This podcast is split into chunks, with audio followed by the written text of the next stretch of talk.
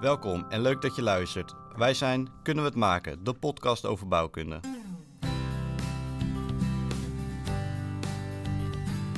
En ik merkte al in de, uh, in de bachelor al dat ik uh, grondmechanica heel leuk vond.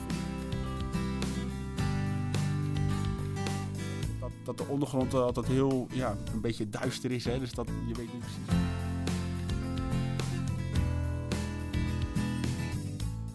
Maar grond is natuurlijk ook gewoon een materiaal, net zoals beton en staal. De norm is geen, is geen bijbel, het is... Uh, je hoeft er niet naar te leven. Leuke gasten, leuke gesprekken. Ja, Tenminste, voorheen sowieso.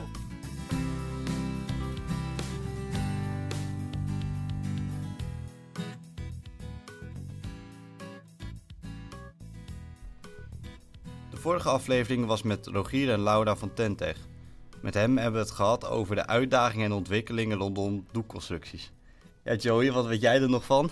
Nou ja, uh, voor mij was het toen mijn eerste aflevering uh, opnemen. En nou, in de bachelor hebben we al sowieso niet over doekconstructies. En volgens mij de master ook niet. Dus ja. ik heb er toen heel veel van geleerd. Ik vond het een heel uh, leerse, leervolle podcast die op genomen. Dus ik was eigenlijk best, best tevreden. En, veel, veel van meegenomen. Ja, ja, we hebben natuurlijk op de master hebben we reset van haarbraken. Daar hebben we het een beetje, krijg je het aan bod, die krijg je nog.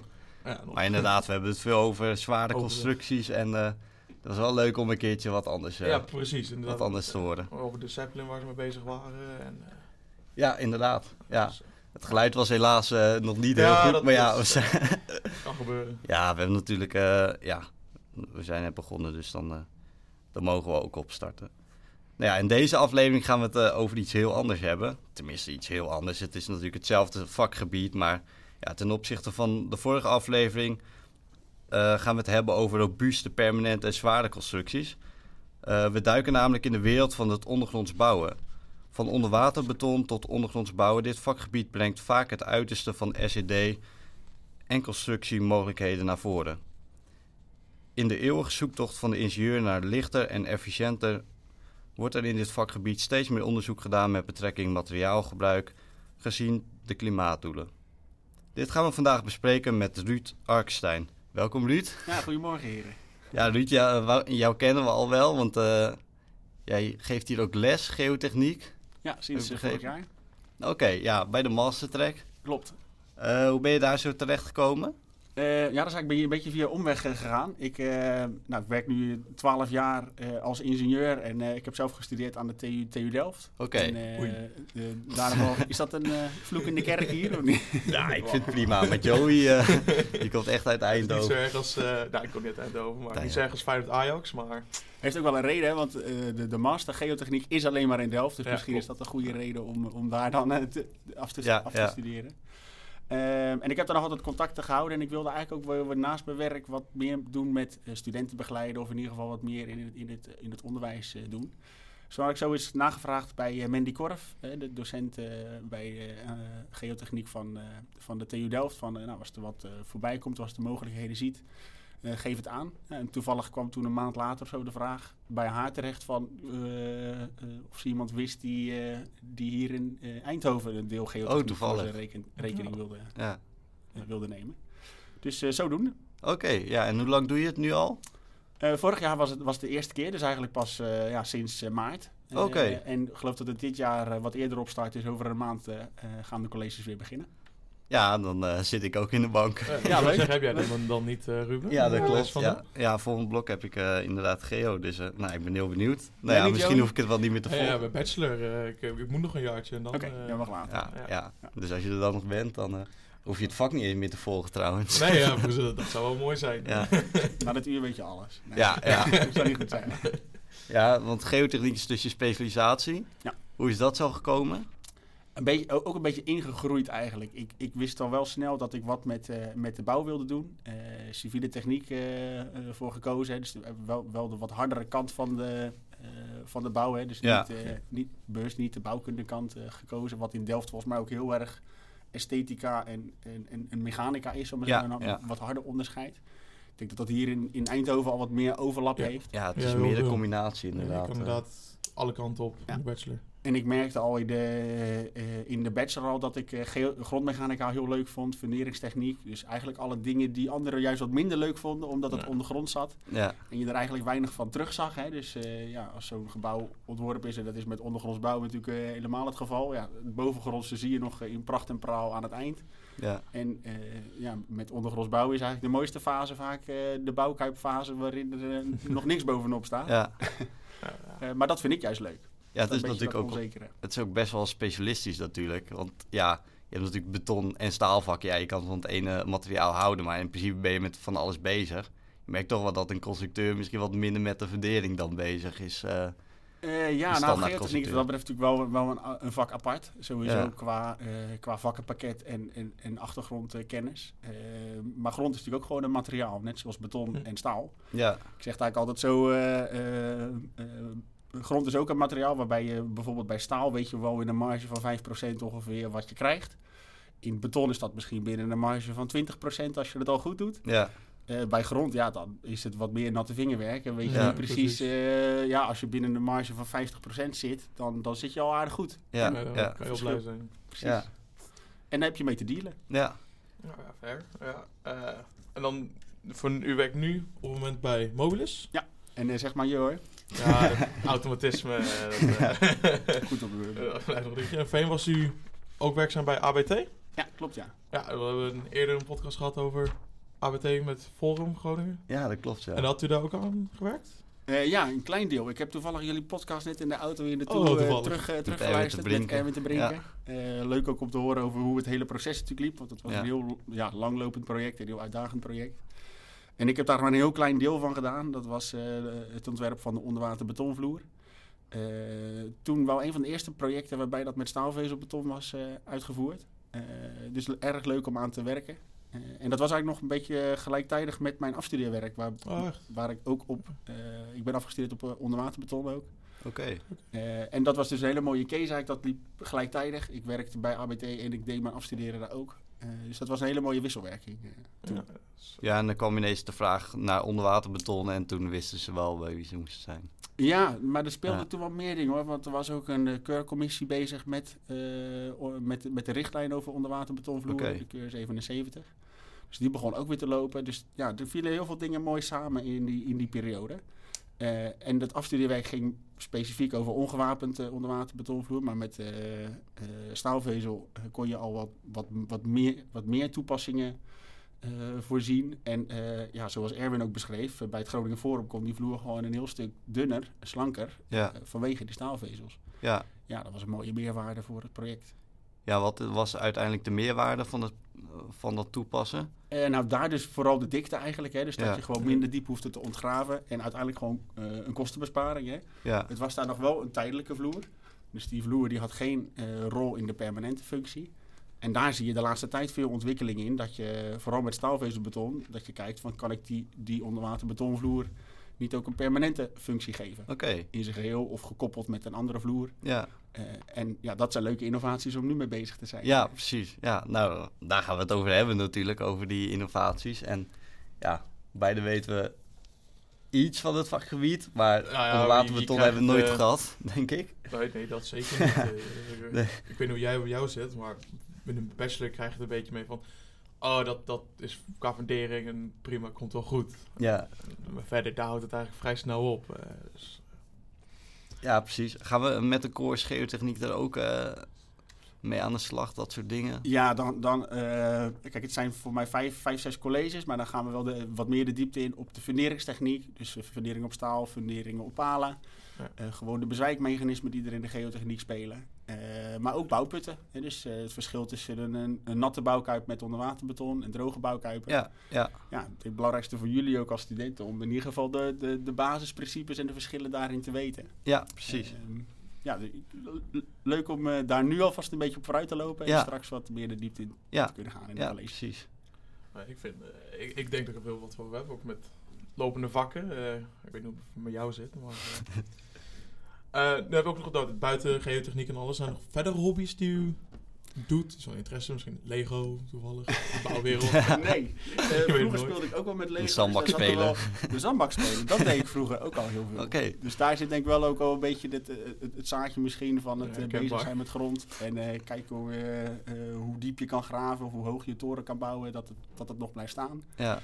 Uh, ik heb uh, nu een zoontje van drie, uh, ook een dochter van vijf maanden, maar het zoontje van drie die speelt ik ook al lekker in het zand. Ja. Dus op het, op het strand. Ja, dan vind ik ook leuk om daarmee bezig te zijn. En dan gaat het natuurlijk eerst mis met het bouwen. Ja. Want het losse zand is veel te, ja, dat werkt niet. Dus je moet wat dieper graven om het natte zand te hebben. En dan kun je wel gaan, gaan ah, Gelukkig hebben ze een vader met kennis. Die, ja, ja ik moet dat ook oppassen dat ik hem niet aan de kant schuif uiteindelijk en dat het mijn kasteel wordt. Ja, ja.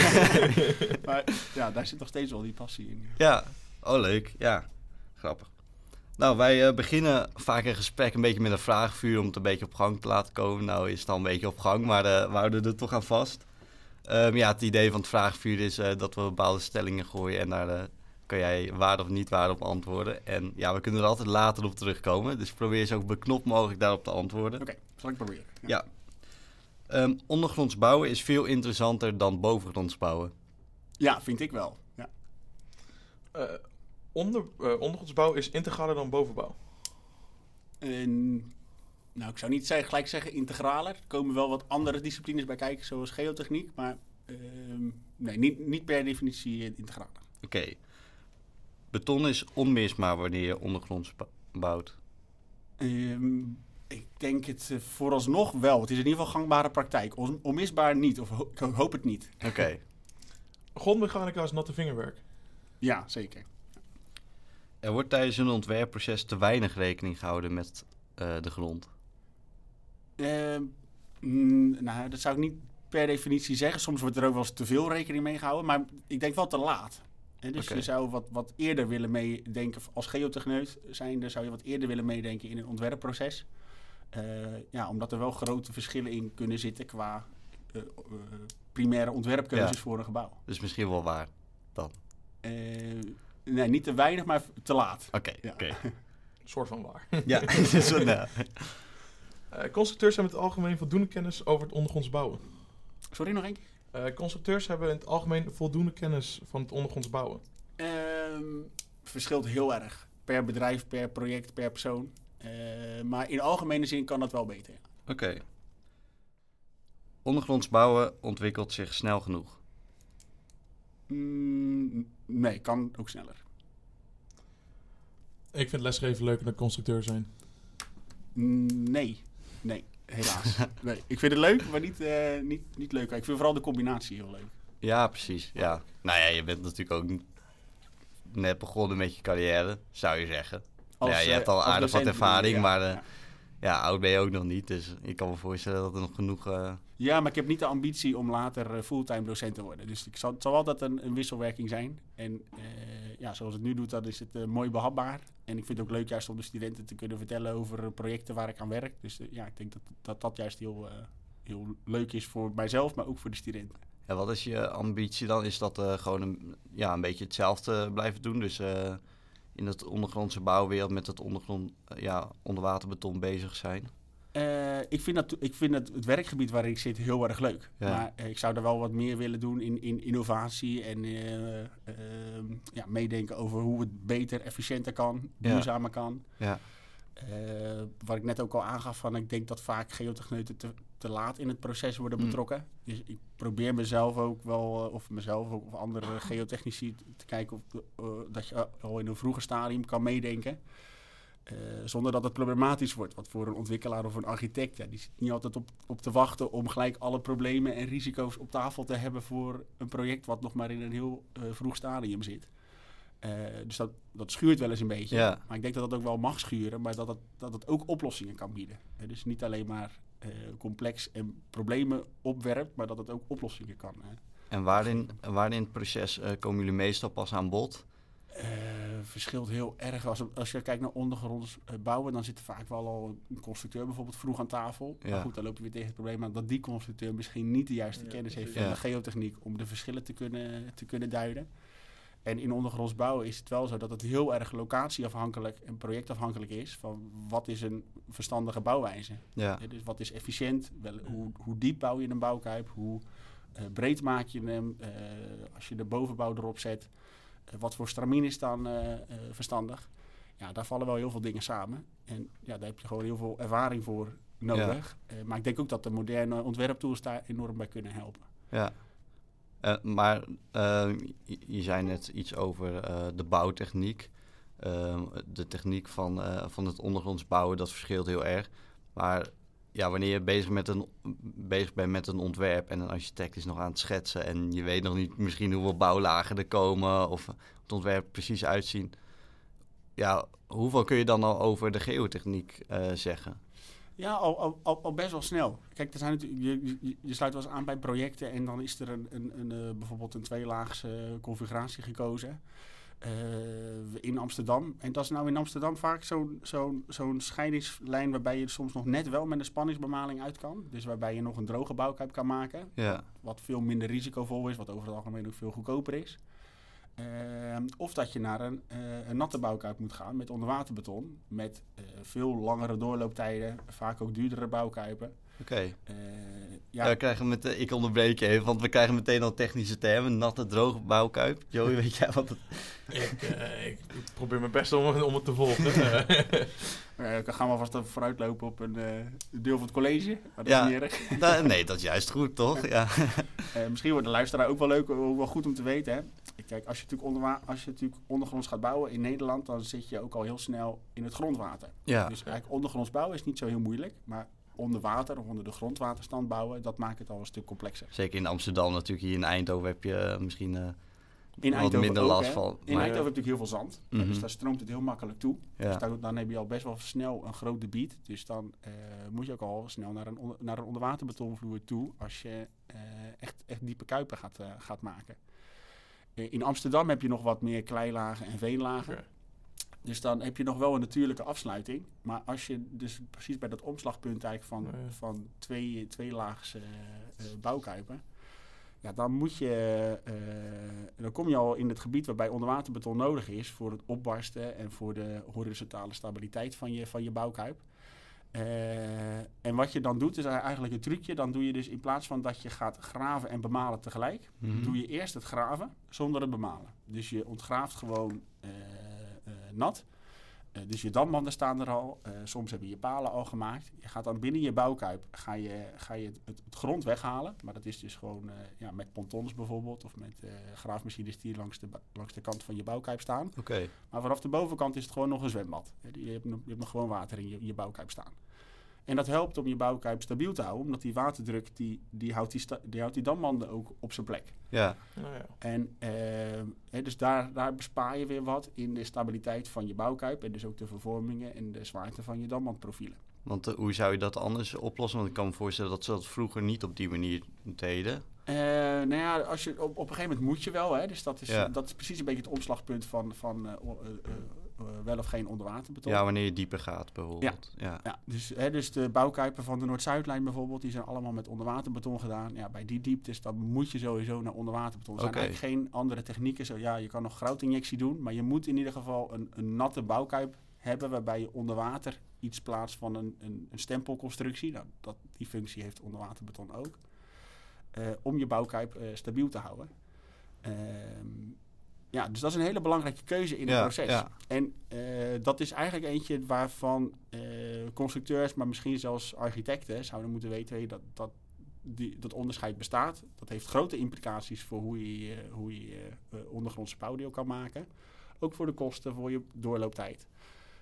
ja, dus dat, dat is wel een belangrijk voorbeeld. En ja. zo zijn er nog, nog vele te maken eigenlijk binnen het, binnen het bouwen en het ondergronds bouwen van hoe je precies zo'n uh, zo'n ondergronds bouwdeel aanvliegt. Ja, want zo'n droge bouwkuip waar je het net over had, daar kies je dan niet voor. Want als je diep gaat, dan heb je hoe dan ook een natte bouwkuip. En droog is dan wanneer je dus net boven dat niveau ja, zit. in Amsterdam dus wel. Hè? Ja. Maar je hebt ook gebieden, daar kun je misschien, mag je misschien nog met een spanningsbemaling wat doen. Hè? Dus dan hou je nog wat waterdruk weg aan de onderzijde. Zodat je uh, ja, dat, dat toepassingsgebied van een droge bouwkuip wat verder kan oprekken. Ehm ja, uh, maar een ander voorbeeld is, dus als je de twee lagen hebt en je zit al vroeg aan tafel, misschien kun je wel het gebouw ietsje omhoog trekken. Hè? Dat je de bouwpijl iets hoger zet, dat je eigenlijk uh, misschien een tweelaags uh, parkeergarage eronder kan bouwen, maar anderhalf laag uh, anderhalve laag in de grond. Als dat precies het omslagpunt betekent dat je dan net wel droog kan, ja, kan bouwen, dan kan dat heel veel. dat is mooi meegenomen. Ja, heel veel schelen. Ja, en waarin, waarin scheelt dat? Ja, natuurlijk in de uitvoering. In, in de kosten, maar met name ook in bouwtijd. Okay. Dus een van de grootste verschillen is dat je bij een droge bouwwijze, nou, je plaatst je damwanden en, nou, je kan zelfs voordat je je damwanden helemaal dicht hebt staan, kun je misschien al beginnen met graven in een bepaalde zone. Ja. Maar je kan vooral ook, uh, als je bouwkuip dicht staat, kun je gewoon al beginnen graven. En als je op diepte bent, kan je over dat gedeelte al beginnen met palen, met, uh, met, het, met de ruwbouw. Dus je kan eigenlijk treintjes maken waarbij je veel efficiënter kan bouwen. En je kan zien wat je doet. Dus ook qua risicobeheersing is een droge bouwkuip ja, heeft eigenlijk altijd de voorkeur. Ehm, bij een natte bouwkuip ehm, heb je dus de fase dat je eerst moet ontgraven. En dan die, die vloer die stort je horizontaal, dus die ligt op de bodem van je, van je put. Ja. Uh, als je die gestort hebt, moet je nog even twee, twee weken wachten. Vaak plan je het dan net voor een vakantie. Hè. Dan ga je op vakantie en kom je terug, mag je beginnen met leeg. Ja, precies. Um, maar die, uh, ja, daar, daar kun je niet die treintjes in maken. Dat je al met je ruwbouw bent begonnen. Terwijl je verderop uh, nog onder waterbeton aan het storten bent. Ja. En uh, nou ja, je mag op een gegeven moment vanaf, vanaf een bepaalde diepte ontkom je dus niet aan om uh, een ja, natte fundering te hebben wat dat betreft. Uh, is het ook zo dat, dat het heel lokaal is hoe diep je kan gaan en dat het soms ook ja, onvoorkombaar is op, een bepaalde, op bepaalde plekken? Ja, Nee, precies, precies dat is eigenlijk. Hè. Dus hier in Eindhoven heb je heel veel zand. Dus als je, als je gaat, uh, gaat graven en je vindt nergens een kleilaag of zo waar je je damwanden nog in kan zetten om dat toestroomgebied te beperken. Ja, dan moet je al heel snel naar een, uh, naar een onderwaterbetonvloer. Ja, dus ja, per project is er dan ook echt wel onderzoek lokaal nodig van ja, ja, in hoeverre kun je de diepte in? Want ja, iedereen kan natuurlijk ook in zijn ontwerp gewoon daar rekening mee houden van ja, we, doen, we gaan zo diep en dan ja, daar heb je geen geotechnisch adviseur voor nodig. Ja, lijkt mij dan. Want dan blijf je gewoon binnen een bepaalde hoogte. Maar het is dus ook heel lokaal dat je, ja, ja dat je echt advies moet leveren wat dat betreft. Maar daar, daar heb je natuurlijk uh, uh, het grondonderzoek voor nodig. En daarna iemand die die link legt dan. Ja. tussen Dat, ja, dat gebouw wat nog in, hopelijk nog in een beginstadium zit van het ontwerp. En die geotechniek, die, die grondslag, die lokale grondslag. Uh, daarbij speelt ook een rol in welke omgeving is het. Hè. ja, meestal is het ondergronds bouwen niet in een weiland. Je gaat vaak de grond in als je ruimtegebrek hebt. Ja, dus, steden. Uh, ja. Dus binnenstedelijk bouwen en ondergronds bouwen, dat zijn die daar onlosmakelijk met elkaar verbonden. Ja. En die, uh, uh, ja, dus dat maakt het ook weer complexer. Want dan moet je ook zorgen dat die omgeving daar uh, geen last van heeft en dat het niet vervormt. Ja. en ja, zo'n bemaling, zo'n spanningsbemaling die ik net beschreef. Zal ik allemaal in het college uitleggen wat dat precies inhoudt. maar ja, dat, die kan ook een, een, risico betekenen voor de omgeving. Dus je krijgt er geen vergunning voor. Infrastructuur en... Ja. En wat zijn... Ja. Voor mij is eigenlijk in ieder geval persoonlijk wat tegen, onverwachts dat Eindhoven, dat je daar sneller naar een natte bouwkuip gaat dan een, in Amsterdam. Wat nou, mijn beeld, grachten, water, dan ga je vrij snel naar... Onder de zeespiegel. Ja, ja. en dan, aan, kijk, als hier ergens, een, een, dat, dat, dat, dat is precies het onderscheid tussen ondergronds bouwen en, en ondergrondwater bouwen. Ja. Stel dat je hier in Eindhoven of misschien iets verderop uh, in, in Limburg uh, delen hebt waarbij het grondwater 20 meter diep zit. Ja, ja dan heb je nog geen onderwaterbeton nodig uh, tot die diepte. Dus daar hangt het met name mee samen. Maar qua grondslag is, is zandige grond ja, eh, geeft eerder aanleiding tot onderwaterbeton. Oké. Dan bijvoorbeeld in polders is dat dus dan niet per se zand. Dan heb je dan ook een heb je dan nog steeds sneller een natte bouwkuip. Als je bijvoorbeeld in Flevoland wat uh, nou, daar zit het grondwater natuurlijk heel hoog. Ja, precies. Uh, als je daar dikke kleilagen hebt zitten, dan kan dat nog wel eens uh, ja, okay. goed gaan. In het, west, in, in, het westen natuurlijk ook nog wel eens. Ja, precies. maar daar zit dus wel een beperking aan. En, en, dat heeft niet alleen met waterdichtheid te maken, maar ook met het fenomeen opbarsten.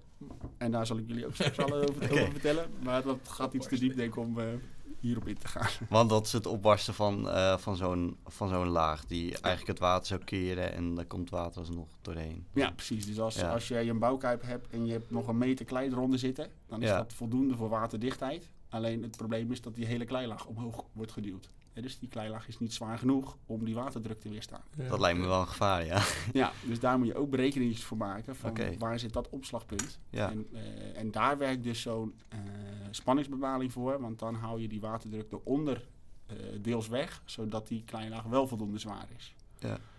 om die bouwputbodem stabiel te houden. Oké, dus dat is ook al echt een flink aandachtspunt dat er dan bij komt. Wat is in essentie volgens jou de grootste uitdaging vaak wanneer je dan de grond in gaat? Uh, nou, het belangrijkste is gewoon risicomanagement. Hè. Dus waar ik, wat ik er net al even aanstipte. Omdat het dus vaak binnenstedelijk is. Uh, en ondergronds bouwen heeft nou eenmaal risico's. Hè. Je, je werkt met grond waarvan je niet precies weet wat het doet. Uh, de historie heeft ook zijn, zijn invloed. Dus heeft er al een gebouw ooit opgestaan? Zitten er al, hebben bijvoorbeeld al palen in de grond gezeten? Uh, wat, zijn, wat, is de waterremmendheid van die, van die lagen? Dat zijn allemaal factoren die enorm belangrijk zijn in de risicobeheersing van je, van je project. Dat lijkt me in Amsterdam uh, wel een dingetje. Ja. De oude heipalen die er staan. Nou, precies. Die, uh, in Amsterdam is daar, daar heb je heel veel houten palen. Ja. En ook, ja, we, we bouwen nu als Mobilis zijnde een, een, een, parkeergarage onder de gracht. De mm -hmm. Singelgrachtgarage heet het, heet het project. Singelgrachtgarage Marnix. en die zit dan dat wordt een tweelaags, of dat is een tweelaags parkeergarage onder de gracht. Dus dan wordt de gracht tijdelijk een bouwkuip. Ja. Uh, uh, en dan moet je naar een onderwaterbetonvloer toe bij die diepte. Hè, want je zit dus stiekem eigenlijk al twee, drie lagen diep in, ja. uh, in de grond. maar goed, allemaal historische panden eromheen. Ja, infrastructuur, bruggen. Uh, kaderconstructies, die vaak ook al heel gevoelig zijn in, in Amsterdam. Ruimte. Uh, ruimtegebrek, uh, geluidsoverlast. ja, je hebt met heel veel factoren te maken. En toch zijn dat juist de plekken waar je ondergronds wil bouwen. Ja, precies. Waar, waar die projecten ontstaan. Ja. Dus ja, risicomanagement, maar dus ook omgevingsmanagement. dat is ook een nieuw begrip eigenlijk in het ondergrond bouwen. Dat je los van de technische risico's beheersen, gaat het ook om het beheersen van, van, van de omgeving en communicatie en verwachtingen, uh, verwachtingspatronen uh, ja, bijstellen, managen. Beetje vies woord, maar het gaat gewoon over, over buurcontact. Ja, natuurlijk. precies. Ja. Ja, ja, die zijn natuurlijk ook altijd bang of, ja, of dat effect ja. heeft op hun uh, aanliggende panden. Dat, dus het is, het is vaak ook angst. En uh, dat leeft bij ondergrondsbouwen niet alleen in buurten waarin je bouwt, maar misschien ook wel bij uh, bij ontwikkelaars en architecten dat, dat de ondergrond altijd heel ja, een beetje duister is. Hè? Dus dat je weet niet precies wat. En dat is deels waar. Uh, maar door dus uh, daar vroeger tijdig in mee te denken, kun je die angsten denk ik wel wegnemen. En ja. dan kun je ook zien dat er kansen liggen ondergronds. Maar toch ook ja, best wel een verantwoordelijkheid dan. Want ja, wanneer je natuurlijk met je gebouw bovengronds bezig bent, heb je veel te maken met je eigen gebouw. Ja, dat kan misschien een keertje iets in fout gaan. Maar als je op een gegeven moment onder de grond mee bezig ondergrond bezig gaat, dan is dat natuurlijk verbonden, direct verbonden met andere gebouwen en infrastructuren. Ja. Ik kan me voorstellen dat dan weer een extra uitdaging is en misschien wel extra spannend is, omdat je, ja, als er iets fout gaat, dan heeft dat op betrekking op uh, veel meer dan alleen het project. Ja, je, je hebt dus uh, omgevingsbeïnvloeding uh, heb je te maken, ja. wat, wat misschien bij het bovengrondsbouwen minder het geval is. Uh, ja, dus dat is een heel belangrijk item uh, waarom die risicomanagement dus van belang is. Uh, in de geotechniek is het dus heel gebruikelijk om bij ondergrondsbouwen uitgebreide monitoring te doen. Dus dat je, dat je naast de berekeningen die je maakt met al die onzekerheden, dat je ook kijkt van hoe, hoe reageert mijn constructie nu buiten. Precies. Dus als ik een damwand uitreken die je bouwkuip stabiel moet houden en die heeft een bepaalde vervorming, zou die volgens de berekeningen moeten doormaken. Ja, hou ook in de gaten dat hij dat inderdaad doet. En dat hij niet veel meer vervormt dan dat. Waarbij de, uh, ja, de infrastructuur achter die damwand ook mee kan vervormen. Ja. Dus daar zijn, uh, ja, dat is een belangrijk deel van, uh, van ons werk. Komt dat ook op jouw bordje dan, dat ja. monitoren? Okay. monitoren ook. Ja, niet, niet het meten zelf. Hè. Daar zijn bedrijven in mhm. gespecialiseerd. Mm -hmm. Maar wel het okay. aansturen daarvan. Dus ja. wat, wat, willen we monitoren? Op hoeveel plaatsen moeten we dat doen? hoe ziet het communicatiesysteem eruit als er een grenswaarde wordt, wordt bereikt? Uh, ja, dat zijn wel belangrijke aspecten. Ja. Heb je dat al wel eens meegemaakt dat er een grenswaarde werd bereikt uh, en dat het een beetje spannend werd? Ja hoor, uh, nou ik zou niet zeggen geregeld, maar dat, dat, dat treedt heus wel op. Okay. De, de, vraag is natuurlijk in welke mate. bij de Singelgrachtgarage ging een van de kademuren al redelijk vroeg aan de wandel eigenlijk. dat was al bij het inbrengen van de. Okay. Ehm, dat, dat is toen ook al vroegtijdig gesignaleerd. De opdrachtgever, de, de gemeente, die was daar uh, dus ook al snel van op de hoogte. En toen hebben we samen gekeken, nou, waar komt dat nu door? Uh, nou, waarschijnlijk waren daar de kaders gewoon en met name de fundering. Dus de houten palen en de aansluiting met, met, met, met de houten kespen onder die kaderconstructies, die, die waren waarschijnlijk al slecht. Dus die hadden heel weinig nodig om aan de wandel te gaan. En die vervorming bleef dus ook doorgaan. Dus ook als wij niks deden, dan bleef die vervorming eigenlijk doorgaan. en toen hebben we samen met de opdrachtgever besloten om hem tijdelijk af te stempelen. En in de eindsituatie wordt dat nu ook gedaan. Dus dat heeft geholpen met eigenlijk gewoon wat houten baddingen. Dus hij is op niks is die wat naar binnen gaan vervormen.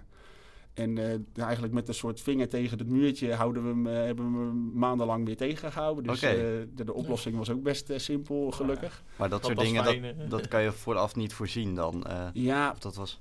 er is ook onderzoek gedaan naar die, naar, naar die. En natuurlijk is het een risico, dus hij stond altijd benoemd. Ja. En eigenlijk is die nu ook beheerst, want er is iets opgetreden wat we niet hadden verwacht.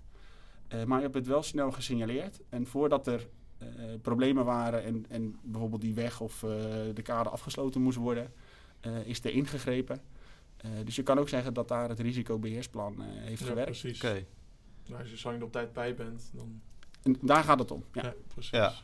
Ja, want je, je weet natuurlijk heel veel niet en je bent misschien een beetje bij het ontwerpproces is het, ja, een beetje op inzicht misschien en een beetje schatten en dan ja, de ja, daar komt dat natte vingerwerk op. Ja, dat natte vingerwerk. Ja. Uh, je maakt berekeningen met een hoge, hoge mate van onzekerheid.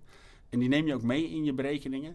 Maar of zo'n, ja, in dat geval, hoe slecht die houten kerstpen en die aansluitingen zijn, dat is, dat is moeilijk te onderzoeken en, en, dat, en vanuit te gaan. Ja, dat, uh, dat, moet dan een, accepteer, een uh, acceptabel risico zijn als je daar uh, als, alsnog wil bouwen. Het lijkt mij best wel spannend om dan die onzekerheid te hebben. Tenminste, ik kan me voorstellen dat je daar mee moet leren werken. Dat je dat je het niet zeker weet en dat je denkt van, oh, dit zou er misschien wel als fout kunnen gaan. En. Ja, dus daar ook, ook voor jullie als studenten, als je, als, je, als, je, als je die onzekerheid niet leuk vindt, ga vooral in staal werken of in andere materialen. beton kan ook nog. Ja. bij beton moet je ook al niet achter de komma gaan rekenen, vind ik. Um, maar bij grond, ja, dan moet je daar wel echt mee dealen. Ja.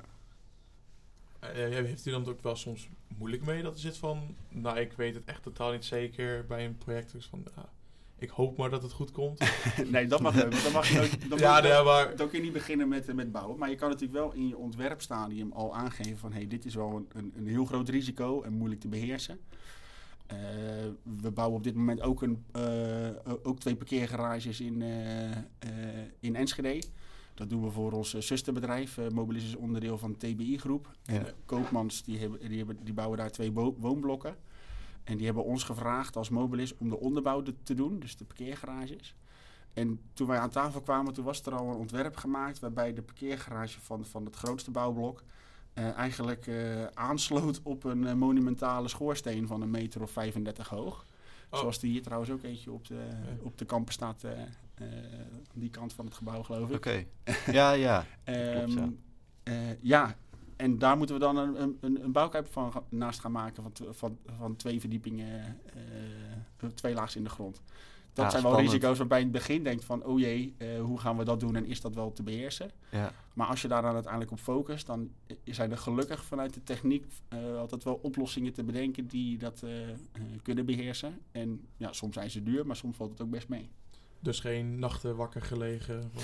Nee, als je, als je wakker ligt voordat een project gebouwd gaat worden, dan heb je iets niet goed gedaan. dan, heb je dan, dan, heb je geen vertrouwen in je eigen kunne en in de situatie die je gecreëerd hebt. Dus dat moet je altijd zien te voorkomen, denk ik. Een andere uitdaging lijkt me ook nog dat uh, bij de onderbouw ben je best wel afhankelijk van wat er boven je gebeurt, ook de bovenbouw. Niet alleen wat onder je gebeurt. En dat is natuurlijk best flexibel en misschien pas uh, later in het proces dat je ineens aan de bak moet omdat er wat verandert of zo. Of is dat ja, dat is een goede vraag, want dat is, dat is, eh, dat is altijd wel een, een, een contradictio uh, uh, in, het, in het ondergronds bouwen. Dat je, ja, de bovenbouw is vaak leidend, hè. Daar, daar zijn vaak al ontwerpen voor gemaakt voor hoe het eruit moet komen te zien. Ja. En je wil eigenlijk van boven naar beneden ontwerpen. Maar uiteindelijk als je er een ondergronds bouwdeel of je fundering moet gaan maken, dan moet het wel als eerste gebeuren. Ja. Dus je, ja, het moeilijk is altijd als je dan later nog weer wijzigingen in je bovenbouw gaat krijgen. En soms dan uh, hebben, is er ook altijd het idee van... hé, hey, we kunnen nog heel veel wijzigen... want we zijn eerst nog een jaar ondergronds aan het bouwen... en pas daarna gaan we bovenbouw uh, doen. Ja. We kunnen nog heel veel door-engineeren en ja, kijken... Precies. wat we nog kunnen verbeteren in de bovenbouw. Ja, dan is natuurlijk wel de vraag van... past dat nog steeds op die onderbouw? Ja, zorgt dat in praktijk voor veel stress of... Uh, voor veel frictie, ja. Uh, ja, nou dat is dus zeker, zeker een van die factoren waarom je ook juist dus vroeg aan de tafel wil zitten. Omdat je die, die, die, uh, ja. uh, die scopewijzigingen eigenlijk wil, dat je daarin kan meedenken.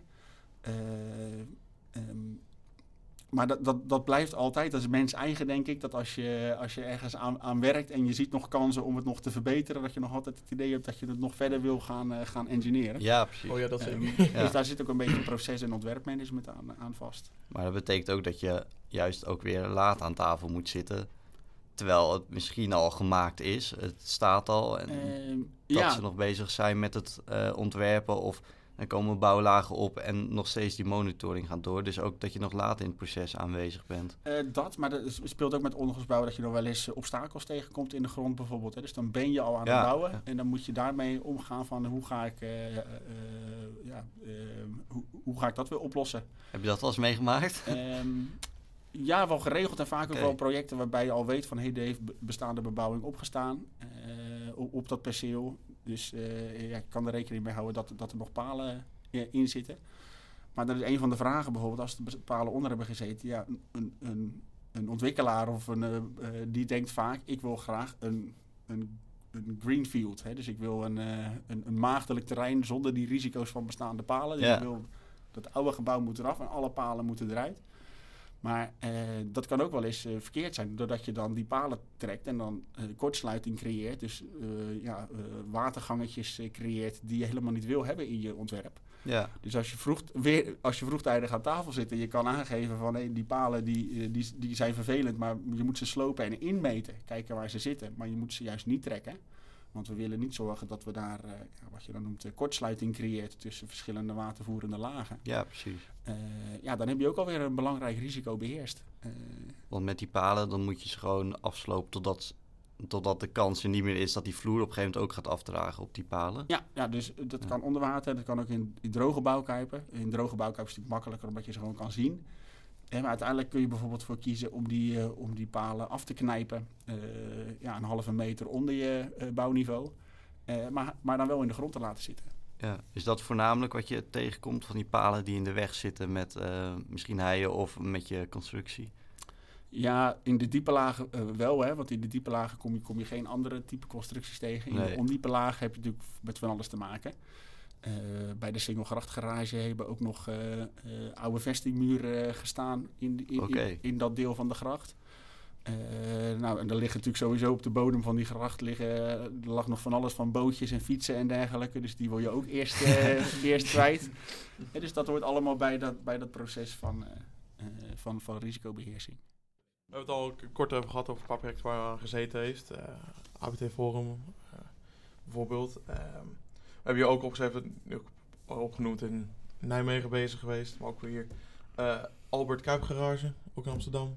Ja, dat is eigenlijk een beetje de voorganger van de Singelgracht Garage. Ja. Dus toen werkte ik nog bij ABT. Uh, dat is wel een mooi project om, om, om aan te geven waar we het net ook over hadden, van de staalvezel uh, onderwaterbeton. Uh, dat, dat je daar dus die tijdelijke vloer mee kan optimaliseren. Maar de laatste stappen, en dat, dat is met name de laatste decennia, wordt er ook uh, gekeken naar kan ik die onderwaterbetonvloer ook een definitieve functie geven. Ik zeg altijd zo, hè, we zijn heel erg bezig met, met duurzaamheid. Uh, en er is eigenlijk geen constructie die, minder, die, die slechter is dan een tijdelijke onderwaterbetonvloer. Je stort okay, gewoon ja. een vloer van bijna een meter dik. Beton. Met, ja, met een gebruikslevensduur van een paar maanden ja, dat, dat, dat, dat, gaat, dat gaat natuurlijk eigenlijk nergens over. Nee, precies. En toch is dat wel de gangbare praktijk om die diepe kuipen te kunnen maken. Je kan ook zeggen, joh, die moeten we gewoon nooit meer doen. Dat is één oplossing. Je kan ook denken, nou, als ik toch ondergronds wil bouwen, kan ik niet die, die vloer ook permanent maken. Zodat je uh, ja, helemaal geen nieuwe vloer meer hoeft te storten. Of je stort er nog een, uh, een uh, constructieve vloer overheen. Waarbij je als keldervloer dus een, een, een samengestelde vloer maakt van onderwaterbeton. En dan helpen die vezels wel weer om daar wat meer constructieve eigenschappen aan, uh, aan te geven. Uh, en dat je die combineert met een op te storten vloer. Ja, ik noem dat zelf het geïntegreerde bouwprincipe. Dus dan bouw je een geïntegreerde keldervloer. Uh, die eigenlijk veel dikker en robuuster is. Ook meer flexibiliteit in zich heeft. Hè. Dus stel dat ja. iemand later zegt ik wil een kolom op een andere plek hebben. Kun je dat binnen dat principe veel makkelijker doen. Dan dat je een, een traditionele bouwwijze zou hebben. Uh, dus dat zijn allemaal ontwikkelingen die ook sinds het Groningen Forum eigenlijk zijn uh, ontstaan. Hè, Groningen Forum was dan nog met een tijdelijke vloer. Mm -hmm. uh, maar dat was een vijflaags bouwkuip met diepwanden. Waarvan de aan aannemer BAM toen de tijd al, al zei, van toen die bouwkuip droog stond, van waarom maak ik eigenlijk nog een nieuwe keldervloer? Ja. Qua waterdichtheid doet deze het hartstikke goed. Ehm, ja, dat is natuurlijk leuk, maar daar is die niet op ontworpen. Hè. Er moet nog een heel gebouw op worden gezet, dus dat is dan natuurlijk geen, geen optie meer. Maar dat is wel een van de aanleidingen geweest om te denken: van, hey, dat, dat, met dat staalvezelbeton kun je toch een hoop risico's van waterdichtheid beter beheersen. En waarom gebruiken ze trouwens geen wapeningsstaaf even tussendoor? Um, dat wordt ook wel gedaan. Er zijn ook projecten en dat is bij de Groningen Vorm ook lange tijd de bedoeling geweest om in ieder geval de, de poeren te integreren in de vloer. Oké. Dus dan plaats je lokaal wapening in de onderwaterbetonvloer. Uh, maar dan heb je te maken met de toleranties. Dat is voor mij de reden bij uh, Groningen Forum waarom daar uh, van, af, van afgestapt is. Oké. Okay. Um, Omdat het best wel lastig is om aan die tolerantie te voldoen wanneer je onder water zit. En ja, met name ook met de palen. Dus als de palen dan een beetje scheef staan en je hebt paalgroepen van, van 4 bij 4 palen, hè, dus 16 palen, ja, die staan ja. alle, alle kanten een beetje op ja, probeer daar maar eens een goede korf omheen te ja, precies. Uh, krijgen. Onder water. onder water. Maar dat is bijvoorbeeld met slankere palen zoals Gewi-ankers weer veel makkelijker. Dus bij de, ook bij Singelgracht en Albert Kuip is de kolommerij in het midden van de, van de garage. Die wordt gefundeerd op, op nou, die geïntegreerde keldervloer. Maar met, met wapeningskorven in de onderwaterbeton in die middenstrook. Okay. Uh, en daar is uh, bij allebei de projecten gekozen voor, voor alleen ankerpalen. Want dan kun je ook relatief makkelijk zo'n korf overheen laten schuiven. Uh, ja, vastlassen op de, op de schotels. En vervolgens, ja, dan heb je toch, toch een, dan heb je eigenlijk een hybride constructie gecreëerd. Ja. Bestaande uit staalvezelbeton en traditionele wapening. waarbij je die steunpuntsmomenten eigenlijk gewoon veel beter kan opnemen. En op die manier heb je ook de dwarskracht ehm, ja, dan werkt het meteen uh, die, die vloeren samen natuurlijk. Ja, ja dus je, maar, je zal hem dus ook nog moeten opruwen en verdeuvelen. Daar kun je ook aan rekenen van wat daarvoor nodig is. Want doe, dat doe je verderop dus. Uh, dus je hebt, bij die steunpunt heb je dan die korven die eventueel die dwarskracht overbrengen. Maar dan verderop in de velden en zo. Ja. In de velden, eigenlijk op, op grote deel, je moet hem eigenlijk altijd doorkoppelen. Dus okay. uh, bij die projecten waar ik over spreek, heb je echt wel een flink aantal deuvels die je moet gaan inboren, inlijmen. Hm in je onderwaterbetonvloer om een goed contactvlak te creëren tussen die twee vloeren. Dat is wel intensief. Uh, ja, maar dat is eigenlijk net als bij, uh, dat, is, dat, is, intensief, maar het principe van het integreren is eigenlijk hetzelfde als bij een kanaalplaatvloer of een, een, een breedplaatvloer. Waarbij ik zorg dat, dat een, ja, een eerder gestort deel, in dat geval is het prefab, gaat samenwerken met een in situ uh, gestort deel. Ja. dus wat dat betreft niet helemaal nieuw, maar wel binnen die toepassing. Dus binnen, binnen onderwaterbeton, ja, tot 20 jaar geleden werd dat nog niet gedaan. Nee, precies. Uh, wel eens volledig gewapend. En dus de Groene Boog is nu, uh, of de Rottermerentunnel, dat is uh, vanuit het project de Groene Boog. Dat is dus de rondweg rond, rond Rotterdam. die tunnel is nu geloof ik bijna klaar qua ruwbouw. En, die, en daar is de hele keldervloer, of de hele vloer is daarvan een, een, een definitieve onderwaterbetonvloer met wapening. Dus die is over de volledige okay. breedte is die gewapend. Ja, ik wou net zeggen, maar eh, waarom is dat uh, bij die andere projecten niet gebeurd? Of, uh, ja, goede vraag. Ja. Um, um, bij die andere, het probleem van die oplossing is dat het heel veel duikwerk vraagt. Hè. Dus de, over dat tunneltraject van twee kilometer is dat dus over de volledige vloer gedaan. Oh. Moet je dus heel veel korven gaan laten afzinken. Ja. Daar heb je dus gewoon jarenlang, ik geloof 30 duikteams nodig om het te kunnen doen. Nou, zoveel dijkteams zijn er niet eens. Dus, nee, precies. Dus dat slokt eigenlijk alles op. Oké. En het is dus ook niet per definitie uh, uh, goedkoper. Hè, want het onder water, alles wat je onder water moet doen is eigenlijk duurder. Oké, ja. Dus het liefst doe je zoveel mogelijk boven water en plaats. En net zoals die korven, die wapen je ook uh, boven water af. Maar het afzinken en dergelijke moet je dan nog onder water doen. Um, um, en heb je, dat kost dus ook heel veel geld. En er zitten dus ook risico's aan vast. Dus de afweging tussen, uh, bij dat project was niet zozeer kosten. Uh, want ik denk dat het misschien ongeveer gelijk, gelijkwaardig uit zou komen in, in, in kosten, of misschien al wat duurder is zelfs. Maar je bespaart natuurlijk wel een hoop in materiaal en in, en in, en in tijd en in ontgravingsdiepte, personeel, veiligheid. Je kan, ja, zijn. Dus je kan op andere vlakken wint hij het weer. En ja. binnen, die, binnen dat project was de duurzaamheid een heel belangrijke factor, ook in de tender, in de gunning. Dus als je met zo'n principe gewoon aan kan tonen, ik heb veel minder staal en wapening en beton uh, nodig dan voor een ander principe die misschien duurder is, kun je toch de tender winnen. Dus dat geeft ook wel aan hoe belangrijk het vanuit opdrachtgevers is dat die duurzaamheidscriteria goed serieus in een tenderontwerp of in een uh, aanbestedingsleidraad komen te staan. Want het dwingt ons als aannemers echt om daarnaar toe te sturen. Dat je duur, duurzamer kan gaan bouwen. Maar dit geeft wel aan dat er ook ja, nog veel te ontwikkelen is op dat gebied. Want jullie pas bijvoorbeeld uh, dat staal niet toe omdat je dan duiks nodig hebt. Nou ja, misschien kan je op een gegeven moment wel iets bedenken waardoor je die duiks niet nodig hebt. En waardoor je ineens iets kan laten inzinken wat niet omhoog komt, wat je niet hoeft te lassen. Ja. Volgens mij hoor ik hier een soort afstudeerwerk aankomen. ja. ja, ik denk dat je dan in Delft moet zitten. nee, niet hoor. Oké. Ehm, maar uh, terecht opmerking, die innovaties gaan door. En ook het, uh, dus, er zijn ook duikrobots tegenwoordig. Dus uh, heel, veel, heel, heel, veel werk wat een duiker nu doet, kun je misschien wel door een robot laten doen. En misschien ook wel beter. Ja. Want die kan misschien wel andere sensoren hebben. En ja, dat is weer een, een, heel belangrijk aspect weer van die natte bouwkuipen. Ja. de rol van de duiker is gewoon heel belangrijk. Oké. Dan hebben we natuurlijk uh, nog een ander project, uh, Universiteitsgebouw VU Campusplein Amsterdam. Heeft u ook aan gewerkt? Ja, dat is ook alweer even geleden. dat was wel na mijn afstuderen, denk ik, ook vanuit ABT.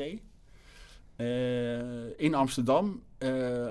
ja, wat, over dat project is interessant om te vertellen dat het vanuit de VU Campus was de opdrachtgever. En die wilde oorspronkelijk eigenlijk zo'n een tweelaags parkeergarage onder het gebouw plaatsen. maar toen is toen in, uiteindelijk is het een drielaags geworden. En dat is uh, gekomen wat, uh, wat toen binnen ABT een soort quickscan gedaan. Uh, en precies eigenlijk dat onderscheid gezien. Hè. Dus die twee laags, ja, dan moest je in dat gebied eigenlijk al naar, naar onderwaterbeton toe. ja, als je dan toch onderwaterbeton toepast, dan kun je hem relatief goedkoop een laag dieper maken. Waarbij je weer een goedkope tussenvloer, hè, een kaalplatvloer of zo terugkrijgt. Daar, daarvoor extra bij krijgt. Waardoor de kosten per parkeerplaats veel goedkoper werden. Oké. En ja, voor een een, een, vu een vuurcampus die gewoon constant bezig zijn met ontwikkelingen en met een volgend gebouw die misschien ook twee laags was bedacht, ja, kun je beter één drie laags maken en de ander één laags. En dan heb je dezelfde ja, capaciteit gecreëerd, maar wel veel efficiënter en, uh, en ook duurzaam. En is dan een voorbeeld waarbij jullie dus kennelijk eerder in het proces werden gevraagd, waardoor jullie daar nog invloed op hadden? Ja, ja. Oké. Uh, dus als ABT waren we al vroeg bij betrokken, was ook een beetje traditionele aanbesteding. In de zin dat het al een ontwerp lag. En eh, opdrachtnemer, de, de, de aannemer, die kon, eh, eh, die, kon daar, die kon daar nog wel aspecten in verbeteren. Maar in principe was het, was het redelijk vast wat er gebouwd moest gaan worden. en onderdeel daarvan was ook dat je met die drielaagse uh, ontgraving kom je weer op het draagkrachtige zand terecht in Amsterdam. Oké. Dus een voordeel was ook weer dat je niet, ja, ja je hoefde niet zware heipalen te maken. Ja. Maar eigenlijk vooral trekpalen hè, om die onderwaterbeton dan weer beneden te houden. En diezelfde plaat en paal gebruik je weer als een paalplaatsfundering. Dus inclusief een bedding vanuit het zand voor je, voor je bovenbouw. Dus daar dus komt ook weer zo'n belangrijke wisselwerking ja. Dus als je ziet als, een, als er een zwaar gebouw bovenop komt, dan is zo'n keuze heel, eh, kan zich heel snel doorvertalen. Hè. Dus je bouwkuip wordt duurder, je fundering wordt weer goedkoper. Uh, en zo, ja, zo moet je de hele afweging eigenlijk maken binnen zo'n eh, project. Dus op een gegeven moment kan je ook door, nou ja, als je zo'n kelder toepast, uh, daadwerkelijk capaciteit, uh, draagcapaciteit creëren, extra juist. Ja. Door en eigenlijk gratis, hè, want die, ja. dat zand zit er al, die draagkracht zit er eigenlijk al in. Het enige wat je ervoor kiest is van, om daar gebruik van te gaan maken. Hè, dus in, een, uh, in dat principe, ja, die bedding die krijg je er eigenlijk gratis bij. En, ja. en, de palen die, heb je, die, die moeten vooral op trek worden gedimensioneerd voor de opwaartse kracht. Uh, maar uiteindelijk krijg je, ja, je kan je best voorstellen dat dat wel een gezond uh, ja, funderingsprincipe is in zo'n, eh, voor zo'n project. maar het vraagt wel wat extra engineering. En een paalplaatsfundering ja, reken je niet elke dag uit. Okay. Dus daar zitten wel wat, wat aparte aspecten aan vast. Wat voor dingen komen daarbij kijken bijvoorbeeld?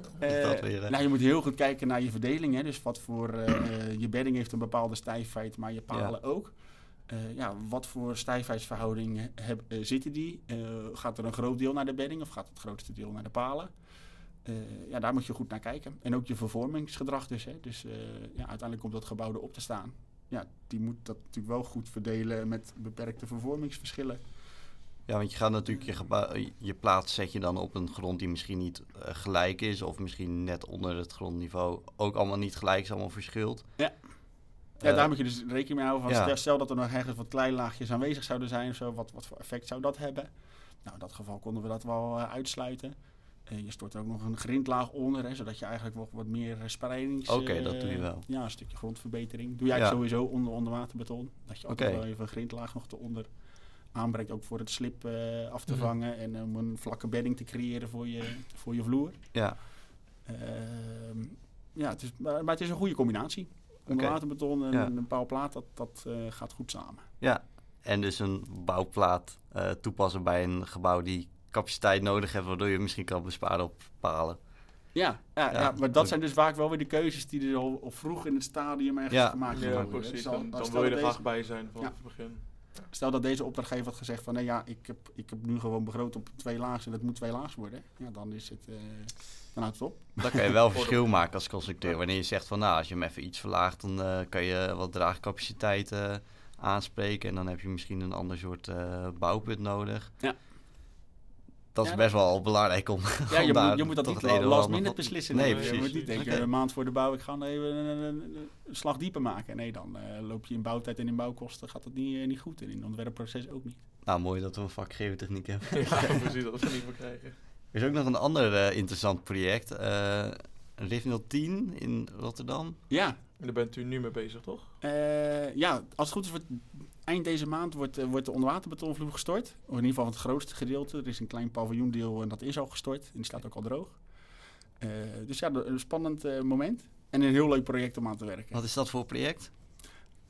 RIF 010, dat is een surfpool die in de binnenstad van Rotterdam wordt gebouwd. Dus de, het idee is eigenlijk dat we een, een deel doodlopend gracht... ja, eigenlijk op, een beetje op het voorplein van de, van de markthal... Um, dat daar een, eh, een surfpool van wordt gemaakt. En het idee is eigenlijk dat je dus kan surfen in de gracht. Oké, okay, bijzonder. Daar, okay, moeten daar golven worden gemaakt. Uh, dus daar heb je machines voor nodig, die ook uh, onder water worden geplaatst. Dus nou, daar begint het al. Het, het, deel ondergrond, of in ieder geval onder water bouwen. dus dan ga je een meter of vier de grond in om die installaties te kunnen, te kunnen maken. Maar uiteindelijk moet er ook een riftprofiel worden gemaakt, die precies zo is ontworpen dat daar de juiste golf ontstaat. Ja, dus een hoge golf waar de professionele servers op kunnen golven. En dan even verderop dooft hij weer uit en dan komt er een, eh, een tweede golfje, meer voor beginners en voor kinderen, om op te leren surfen. Uh, en dat is allemaal in, ja, in de binnenstad van Rotterdam een heel aansprekend project. Is een soort prijsvraag geweest vanuit de gemeente Rotterdam. Van beste bewoners, weten jullie een leuk project waarmee we uh, sport kunnen bevorderen? Volgens mij was dat een beetje de uitvraag die gedaan was. Ook al heel lang geleden is dat gedaan. En uh, dit project dat won het volledige uh, bedrag hè, van 3 miljoen. Uh, alleen het probleem was wel dat 3 miljoen niet voldoende is om dit te kunnen maken. dus dat budget is wel opgehoogd nog met, met investeerders. En TB is ook een van de investeerders daar okay. in, in, het project. Um, maar heel uitdagend natuurlijk, omdat je, ja, het is weer een heel ander type project wat je, wat, wat je normaal gesproken maakt. Ja. Het, het is, uh, uh, ja, die golfbelastingen zijn weer interessant ja. om aan te rekenen. Want dan heb je toch een stukje uh, vermoeiing ook te pakken. Ja, dat dynamisch heb je natuurlijk bijna nooit uh, hou je daar rekening mee. Uh, Als je een parkeergarage maakt, ik, ik, ik, doe heel vaak binnenstedelijke parkeergarages, ja, dan is vermoeiing verwaarloosbaar. Hè. Er staat ja. een keer een auto en soms, soms 10 of 100. Ja, maar die, die gewichten en ook die, die, dat type belasting is niet dusdanig dat je daar uh, vermoeiingsproblematiek krijgt. Want waar zou je die bij dit project krijgen? Uh, bij de golven. Dus die golven die die opwekt, die komen dus uit zo'n uh, golfmachine. Dus die werkt ja. met vacuümpompen. Die trekt uh, binnen een, een, een, golfslagkamer, wat afgesloten deel is eigenlijk, trekt hij het water omhoog. En vervolgens duwt hij het met overdruk naar buiten. Okay. En dan ontstaat voor die golfslagkamer ontstaat een, een, ja, een staande golf eigenlijk. Of een golf die, die, die anderhalve meter omhoog komt. Of misschien daar nog een meter. En dan gaat hij uh, rollen. Dus hij duwt zichzelf af. En dan gaat hij uh, nou, dus door de gracht heen uh, rollen. Ja. Zo ziet het er in ieder geval uit. Ja. stiekem zit er dus wel een hele betonconstructie omheen straks. en dan komt hij bij het eerste rif. En dan, nou, net zoals een normale golf, die gaat struikelen, die gaat staan. En op een gegeven moment gaat die, ja, ontstaat er een barrel. Dus een, een, een ja, een rollende golf waarop je goed kan surfen. Maar die klapt op je Um, die klapt dan op het water en ook op je rif. Hè. Dus die ja. kan ook een, een, uh, uiteindelijk, bij, met name bij het strand, ontstaat ook een kleine impact. Uh, maar sowieso het, ge het gewicht van die golf, hè, dus die, uh, dat zorgt er al voor dat elke keer als een golf voorbij okay. komt, dat er een spanningswisseling ontstaat in je constructie. Ja, overal. Dus niet alleen waar die tegenaan klapt, maar nee, overal zie je wat doorheen eigenlijk. Ja, hij trekt je constructie in de lengte een soort uit elkaar en in de breedte duwt hij natuurlijk ook de wanden weg. je fundering, dus nou in dat geval de onderwaterbetonvloer, die komt ook op druk en daarna weer een beetje op trek. Dus die gaat ook op vermoeiing belast worden. Um, ja, dat maakt het natuurlijk heel complex. Dat, dat maak je niet elke dag mee. Dus dan moet je goed, goed over nadenken samen met uh, hoe gaan we daarmee om? Uh, hoe toetsen we op die vermoeiing? Uh, interessant aan dat project is, en dat is, er zit een soort rode draad in, dat je van die geïntegreerde vloer, die er ook wel in zit in dit project, bij, de, bij de golfslagkamers, maar in, het, in de surfpool is het de onderwaterbetonvloer die het helemaal op zichzelf moet doen. Oké. Uh, en dat is eigenlijk iets wat, wat, nog niet is toegepast, waar we in een CROW-commissie mee bezig zijn om daar uh, hand en voet aan te geven, richtlijnen voor te schrijven, om, daar, uh, om, om, dat, om dat wel mogelijk te maken. en dan ga je, wordt het veel belangrijker om te kijken naar krimpbelastingen, naar die vermoeiing, hoe je daar dan mee omgaat. En waterdichtheid. Maar dat is dan weer het grote voordeel van dit project. Hè, dat deel van de surfpool, ja, dat staat straks permanent onder water. Ja. Uh, kan er even onderhoud nog worden drooggezet, maar in principe hoeft die constructie niet waterdicht te zijn in de eindfase. En dat maakt het hier een stuk makkelijker om te kunnen aantonen dat die uh, vloer met staalvezels, hoogwaardige vezels in dit geval, ja. in staat is om een permanente constructie te zijn, voldoende veilig en vermoeiensbestendig. Maar voldoende veilig, dat moet dus blijken ook nog enigszins? Want jullie monitoren dat dan ook? Uh, nee, ja, dat is wel met name met berekeningen en zo. En je toont voor de staalvezelbeton ook aan wat de capaciteiten zijn. dus dat is uh, uh, ja, met name op buiging belast. Moet je aantonen dat, dat, dat het vezelbeton die prestaties eh, haalt. Ja. en dat is hier gedaan. Dus dat, Jullie hebben daar testen voor gedaan ook? Ja. Oh, Oké. Ja. Ehm, maar het grootste verschil is natuurlijk ook, het, het is gewoon een CC2-klasse gebouw, dus ook, ook voor de vloeren en dergelijke. Uh, maar doordat het een permanent zwembad, ja, ik mag geen zwembad noemen, maar een, een permanent uh, surfpool uh, wordt, speelt waterdichtheid geen rol. En dat is vaak dat is bij betonconstructies ondergronds en onder water. Dat is vaak een van de grootste problemen. Ja. Eigenlijk is dat geen goed huwelijk. Hè. Dus net zei je van on, on, beton is on, onmisbaar bij ondergronds bouwen. Ja, het is wel een soort gangbare praktijk om veel met beton te doen. Hè. Die onderwaterbetonvloeren is één voorbeeld. Uh, maar eigenlijk is het geen goed huwelijk, omdat je ja, beton is gewoon impliciet altijd. Uh, er zit scheurtjes zit altijd scheurtjes in. Daar, daar, zitten die vezels in, daar zit de wapening ervoor in. Dus om dat waterdicht te maken is gewoon heel moeilijk. Ja. Uh, dus ik hoop dat daar innovaties op komen die dat, die dat verbeteren of andere typen materialen. maar het gaat er ook om, ja, hoe ga je daarmee om?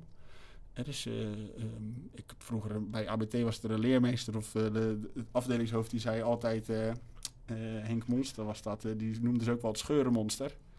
En die zei altijd, ik wil een betonconstructie met zoveel mogelijk scheuren.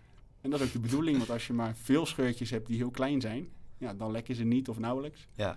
Terwijl als je maar een paar scheuren hebt die veel groter zijn, ja, dan heb je enorme debieten en dan heb je wel problemen. Ja, ja. Dus daar ja, er is dus best wel wat innovatie ook daarin nodig. Want ja, we zijn natuurlijk allemaal bezig met duurzaamheid, maar we pompen allemaal beton de grond in wat uh, misschien wel veel beter kan of anders kan. Ja, dus ik hoop dat die principes daar een bijdragen. Hè? Dus dat je, dat je niet meer, uh, dat we min, minder toegaan naar, naar tijdelijk onderwaterbeton. Ja.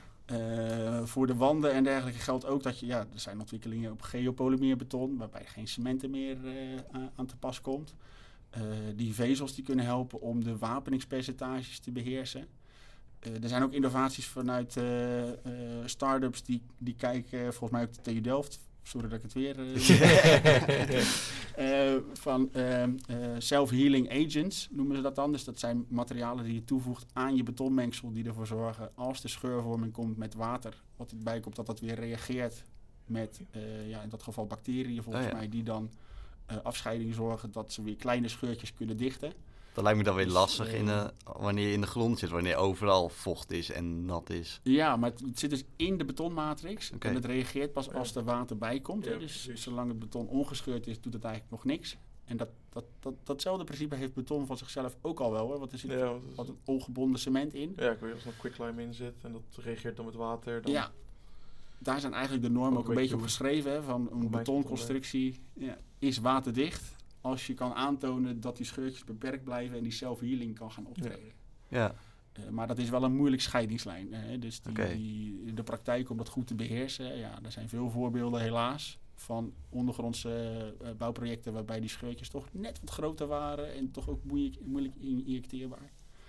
Ja, injecteerders die vinden dat uh, super fijn dat dat soort projecten er nog zijn. Maar ja. we moeten ervoor, werk. ja, moeten ervoor zorgen dat dat uh, uh, steeds minder wordt. En dat kan ook. Ja. Maar ja, wat, soort, wat voor innovaties zijn jullie nu dan mee bezig? Want je kan natuurlijk innoveren in dat beton, maar zijn jullie daar ook mee bezig? Bijvoorbeeld dat zelfhelend beton? Uh, nee, niet zozeer. Wij, wij als, als hoofdaannemer, en is natuurlijk hoofdaannemer, zitten we niet, niet, niet vooraan in die trein van de materiaalinnovaties. Uh, En ABT is daar bijvoorbeeld veel, veel verder in, denk ik, om dat, uh, om dat te stimuleren. Uh, maar wel in die toepassing daarvan. Ja. Dus dat we bij de Mobilis zijn ook al testen gedaan, geloof in Heilo, met het toepassen van geopolymeerbeton in, in kerende wandjes. dus niet, niet de meest uitdagende constructies, maar wel de beginstappen. Om ervoor te zorgen dat dat soort ontwikkelingen uh, ja, kunnen groeien. En Rev 10 is daar dus ook een voorbeeld van, dat je die vloer uh, definitief maakt. En dat, je, dat we met monitoring, dat we, kunnen, dat we referenties krijgen en gevoel bij krijgen van hey, wanneer gaat iets goed en wanneer gaat iets niet goed. Ja. En ja, waar we net ook over hadden, in ondergrondse bouw hebben we altijd te maken met risico's die beheersbaar moeten zijn. Hè. Je, je kan ze niet altijd helemaal uitsluiten. En voor innovaties is dat eigenlijk ook altijd het geval. dus je innovaties, ja, je moet accepteren dat daar een, een, verhoogd risicoprofiel aan, uh, aan zit. Ja. Dus begin bij projecten waarbij dat acceptabel is. Uh, dus voor die definitieve onderwaterbetonvloeren, ja, uh, begin niet bij uh, een uitbreiding van Paleis het Loo, die -hmm. gedaan is met, met, ook met staalvisselbeton, maar niet een definitieve variant. Ja. Hè, maar begin bij een, een, fietsonderdoorgang, waarbij die vermoeiing niet zo'n rol speelt. En waarbij je uh, toch al uh, water moet afpompen wat gewoon uit de hemel komt, uh, komt, komt vallen. Ja, ja. dus, en accepteer dat je dan wellicht wat meer lekgebied van onder kan krijgen. En leer van die projecten om te kijken hoe ver dat toepassingsgebied kan, kan groeien. En jullie hebben nu best al wat innovaties dan toegepast. Um, zijn er nog dingen die in de kast staan die jullie willen toepassen om te kijken is dat misschien ook een oplossing? Of is dat beroepsgeheim? Uh, misschien stiekem wel. Uh, oef. Nou, daar, daar, vraag je me wat. Die, uh, nee, daar heb ik niet zo 1, 2, 3 een, een antwoord op. Nee, precies. het gaat ook over procesinnovaties natuurlijk. Hè. Dus wat, je, wat, je, wat je nu bijvoorbeeld ook ziet is een grote kentering in de grote infraprojecten. Dat de aanbestedingsvormen veranderen. dus dat in, in, in traditioneel gezien werd er altijd een ontwerp gemaakt, dat werd op de markt gezet en de aannemer die mocht het gaan bouwen. Nou, je ziet al veel langer dat dat uh, opschuift naar uh, uh, ontwerpen en bouwen. Hè, dus dat er meer een soort vraagspecificatie wordt gesteld. en nu schuift het ook weer verder op dat je eigenlijk al veel eerder met opdrachtgevers samen een ontwerp gaat maken en pas dan echt prijsvorming en contractvorming doet. Okay. Meer bouwteams, ja, meer in bouwteams werken. En dat vind ik hele interessante ontwikkelingen. Uh, met name voor die grote projecten, om ook weer die risico's te beheersen. En ik vind dat ook met name voor het ondergronds bouwen een interessante uh, samenwerkingsvorm. Omdat je dus in dat beginstadium, waarbij je nog, misschien nog niet eens al het grondonderzoek hebt en nog niet precies weet wat er allemaal gestaan heeft vroeger. Ja. Er zijn gewoon heel veel risico's te beheersen, die, onlos, die eigenlijk ook op het bordje zit, uh, liggen van de, van de opdrachtgever. Hè, want de grond is van hem, dus die risico's die horen daar ook primair bij. Ja. Het is veel verstandiger eigenlijk voor dat soort projecten om samen te kijken naar wat, wat is acceptabel, hoe kunnen we het beste aanvliegen, hoe kunnen we die risico's beheersen. En bij wie ligt die risicopost dan? Ja, ja. Uh, dus geen, ja, niet zozeer in de techniek, maar meer uh, procesmatig ook uh, interessante ontwikkelingen. Ja, precies. Ja, want uiteindelijk wil je natuurlijk, um, ja, ben je het beste af qua duurzaamheid, qua kosten, wanneer je natuurlijk allemaal samenwerkt, uh, zo min mogelijk faalkosten hebt, zo min mogelijk aanpast. Dus ja, misschien zou iedereen dat wel zeggen, maar juist bij jullie dus dat je, omdat het zo'n groot onderdeel is van, uh, van hoe je project loopt, omdat het ook heel veel risico's heeft, dat juist dat uh, dus vroeg ook wordt behandeld. Ja. Ja, ja ik denk dat okay. dat wel specifiek voor, ja, voor grote infraprojecten, on ondergronds ook met name, nog harder weegt dan voor andere typen projecten. En wat is er nodig voor dit soort innovaties? Um, zijn er richtlijnen um, daar bijvoorbeeld al up-to-date voor? Of uh, wordt daar nog veel Is daar ontwikkeling in? Nou, procesmatig qua uh, bouwteams, dat is vooral ontwikkeling. Hè, Rijkswaterstaat ja. die daarmee bezig is. Okay. als, ik, als ik spreek over die onderwaterbetonvloeren, dan zijn we dus in CROW-verband bezig met richtlijnen. Okay. Want daar ontbreekt nog wel een hoop aan ja, normgeving bijvoorbeeld. Als je, als je gewoon de normen opent en Ctrl-F uh, typt, of uh, Ctrl-F doet en, en, typt, uh, en zoekt op, op staalvezels, ja. dan vind je het niet. Er staat nee. geen het woord okay. staalvezel of staalvezelbeton. Staat nergens in de, nog in de norm. Dat gaat komen ja. binnenkort. Maar dat, ja, ja, precies. Um, maar terwijl er al decennia lang met staalwezenbeton gebouwd wordt. Dus daar, zit, daar, zit, zit de, daar zijn richtlijnen dan weer belangrijk voor. Ja. Die richtlijnen kunnen ervoor zorgen dat dat toepassingsgebied groeit. Dat ja. ook de ervaringen en de, en de proeven op, die, op, dat, op dat type materiaal uh, groeit. Zodat je daar uh, uh, ja, meer, een, eigenlijk een breder palet aan opties krijgt. En dus waar je nu uh, voor beton eigenlijk uh, traditioneel gezien gewoon beton en wapening kan kiezen. Kun je straks kiezen voor beton en wapening of beton en vezels of beton en wapening en vezels. En ja, ja. Beton en wapening en vezels en een self-healing agent. Of geopolymeer beton met... Hè, dus al die combinaties die moet je gaan onderzoeken om te kijken van... Ja, wat voor palet heb ik straks en voor welk project en welk type constructie is, uh, is, is welke combinatie het meest interessant. Ja, dus om die ontwikkeling echt door te zetten, moet je dus richtlijnen hebben die dat. Uh, ja, ja, richtlijnen en projecten en opdrachtgevers ja. die dat ook aandurven. Ja, uh, ja. ja. Hoe helpen, helpen jullie daarmee als Mobilis? Um, bereid toe om. Uh, zeker. Nou, nou, geldt natuurlijk wel altijd dat je voor. ja, het moet doelmatig innovatief zijn. Dus je moet dus niet innoveren om het innoveren. Het moet op het project zelf, of liever nog over de projecten heen, zijn meerwaarde kunnen bewijzen. dus voor de definitieve onderwaterbetonvloeren ja, is de insteek nu van het CROW om in ieder geval een, een toepassingsgebied te beschrijven wat wellicht al zo groot mogelijk is, maar misschien wel specifiek gericht op die type constructies die niet vermoeiensgevoelig zijn. Nog niet de grote Rijkswaterstaat-projecten met uh, 10 meter aan tunnel en als het misgaat dan hebben we een nog groter probleem. um, maar met kleiner beginnen en dan opschalen naar ja, steeds grotere uh, projecten. Dus ja, daar, daar, daar, ik hoop dat iedereen daar in de bouw zijn, uh, uh, zijn verantwoordelijkheid in voelt om daar uh, aan bij te dragen. Ja, dus best wel belangrijk om als student daar wat van af te weten. Ja, en precies. in de toekomst misschien wat mee te doen. Als wij, het, als wij er een paar jaar mee moeten gaan werken, dan... Ja, ja, zeker. Nou, wat, zou je, wat zou je bijvoorbeeld Joey, een student, willen meegeven in zijn studiecarrière wat betreft geotechniek? Behalve de lessen die je misschien straks aan hem gaat geven in de ja, collegezaal. Ja, vooral de lessen. Inschrijven voor de lessen, ja. ja. ja blijf je ervoor interesseren, in ieder geval die grensvlakken. Wat ik zelf altijd heel interessant vond aan mijn keuze voor geotechniek, maar ook onderwaterbeton en een stukje ondergronds bouwen, is, de, is het raakvlak. He, dus uh, uh, als je binnen een bedrijf alleen maar geotechneuten hebt en constructeurs hebt die alleen maar van grond en de ander van beton weten, dat gaat niet werken. Je moet een beetje met elkaar mee kunnen denken. Dus ja, zorg dat je op die grensvlakken kennis ontwikkelt, uh, ver, verbreedt in je, in je kennisontwikkeling. Uh, ja, en als student zijnde, zo kijk ik er ook een beetje op terug, van uh, wees niet te bang. Wat jullie nu ook doen, vraag door. Hè. Jullie prikkelen mij nu een vraag om daarover door te denken, maar doe dat ook in projecten. Soms ja. denk je van, joh, ik, ik, ik heb nog niet zoveel projecten gedaan, ik heb niet zoveel ervaring. Iemand die, die er al langer in zit, die zal wel gelijk hebben. Maar nee, vraag door. Ik denk dat juist uh, jongere studenten, uh, uh, net afgestudeerden, daar veel scherper op zijn. Hè, kunnen doorvragen, ja, maar waarom maken we eigenlijk twee losse vloeren in zo'n in zo'n in zo'n kuip? Hè? Waarom Ja. maken we er niet één van? Ja. En ja, vraag erop door en wees dus ook... ja, probeer een beetje te, doorbre te, Ja. te doorbreken in de bouw. Wat heel vaak wordt gezegd, ja, maar zo doen we het altijd. Ja. Ja. Daar ben ik een beetje Precies. allergisch voor. Eh, eh, en net zoals, Zo ja, maar zo staat het niet helemaal in de norm. Ja, maar de norm is geen, is Ja. geen bijbel. Het is, eh, eh, Ja. Ja. je hoeft er niet naar te leven. Het, het, het, het is iets om de veiligheid te borgen. Maar dat kan ook op andere manieren. Hè? Dus het gaat er weer om de risicobeheersing. Oké. Risicobeheersing. Nou ja, eh, denk dat we het langs, langzaam gaan afronden. Ja, ja zeker. Ja, bezig is. Eh, Ruud, hartstikke bedankt voor het komen. Ik heb er in ieder geval heel veel van geleerd. Ehm nog steeds een dingetje van, als de luisteraars of andere mensen verder interesse hebben in het vakgebied, waar zouden ze meer informatie kunnen vinden over geotechniek? Over geotechniek? Of onder, ondergronds water?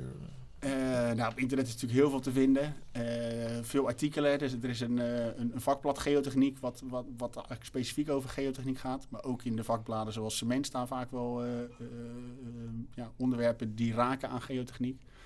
Dus er zijn genoeg openbare bronnen. Ga vooral ook die studies doen. Hè. Dus de vakken van, vanuit PAU zijn ook postacademisch onderwijscursussen die, die specifiek kijken naar funderingen, naar bouwkuipen, naar keerwanden. Dus daar is genoeg in, uh, in, in bij te spijkeren.